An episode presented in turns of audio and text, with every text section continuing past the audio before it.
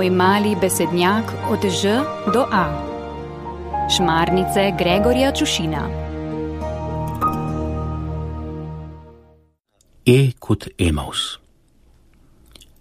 Ste vedeli, da je bil Jezus igralec? Res ne? Pa je bil. Vse tako piše v evangelijih.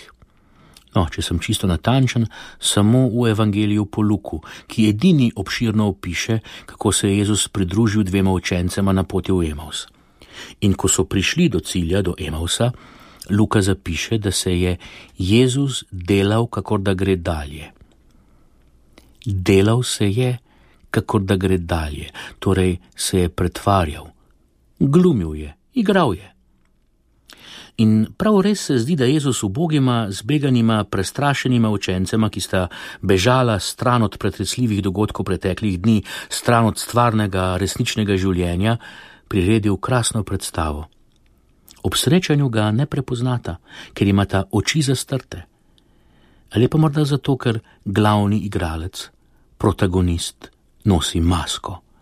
Ne, ne kakšne pustne šeme, temveč gledališko masko ravno toliko šminke, ki vzpostavi distanco, da ta, ki ga gledata, pravzaprav ni ta, ki ga vidita. Kot v teatru. In kot v teatru sedeta. Ne sicer v parter ali na balkon, ampak za mizo, z Jezusom, za katerega še vedno ne veste, da je Jezus. In gledata. Beseda teater, s katero označujemo gledališče, izhaja iz grške besede teatron, ki pomeni kraj, kjer se gleda. Izhaja pa iz glagola, ki pomeni gledam, opazujem, prisostujem, pa tudi preizkujem, premišljujem. Gledališče torej ni le prostor, odr, scena, kostumi, temveč je doživeti vsega, kar se v neki predstavi dogaja med tistim, ki nekaj predstavlja in onim, ki to gleda. Luka zapiše: Ko je sedel z njima za mizo, je vzel kruh, blagoslovil, ga razlomil in jima ga dal. Tedaj so se jima odprle oči in sta ga spoznala, on pa je izginil izpred njiju.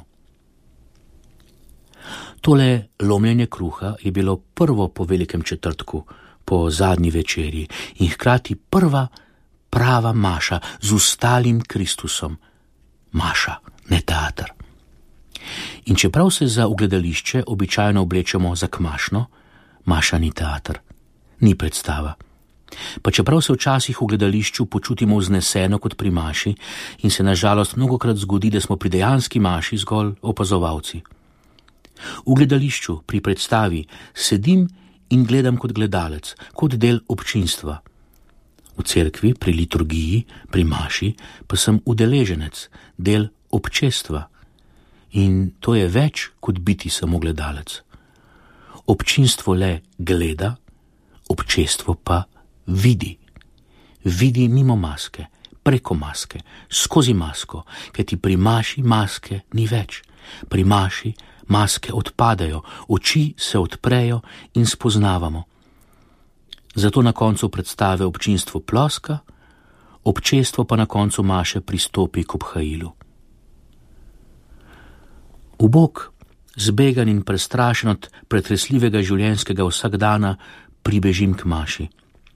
Gledam, opazujem, prisostujem, tudi preizkujem in premišljujem. Jezus ni igralec, ki se pretvarja, da je nekdo drug. Jezus je en in edini. Ni umetnik, ki se priklanja, je umetnik, ki se mu klanjam. Med nama ni zavese ali odrske rampe, pa čeprav naj jo ponekod še loči obhajilna mizica. Sede z menoj k mizi, lomi kruh in je v kruhu, in je v meni, ki jem ta kruh, in sem v njem, ki je kruh. Včasih pa Jezus uporabi pretvarjanje, umetnost, da se mi približa. Včasih Jezus uporabi ustvarjalca, umetnika, da me nagovori.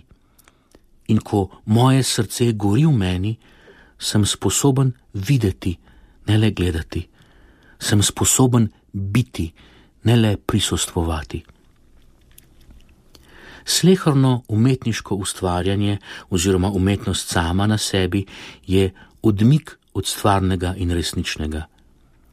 In ta odmik je lahko načrtovana pot, poslanstvo, lahko je tavanje, pohekovanje, lahko pa tudi umik in celo pobeg. Umetnik kot ustvarjalec in jaz kot opazovalec ustvarjanja in stvaritve se za bežen hip srečava na nestvarnem in domišljijskem polju, ki ni podvrženo času in prostoru, pa čeprav naj uvežeta čas in prostor. In on, ki je ustvaril čas in prostor. Vernemu umetniku je presežno, s katerim se ukvarja, čeprav nestvarno in nerealno, vendarle bolj resnično od stvarnega in realnega sveta, v katerem ustvarja. Kljub temu, da vsak pravi umetnik verjame v svoje delo, verjamem, da se vendarle zaveda, da je podvržen zemeljskemu minevanju, večnost pa je nad vsem. Vernemu gledalcu, poslušalcu, bravcu, ki išče presežno in resnično, umetnost, ki se ukvarja s presežnim, postane skoraj da, če ne tudi zares, obred in molitev, se mu odpira oči, da spozna Jezusa, gre z njim na pot, se z njim spusti v dialog, sede z njim za mizo in z njim lomi kruh. Marija, mati čudovita, prosi za nas.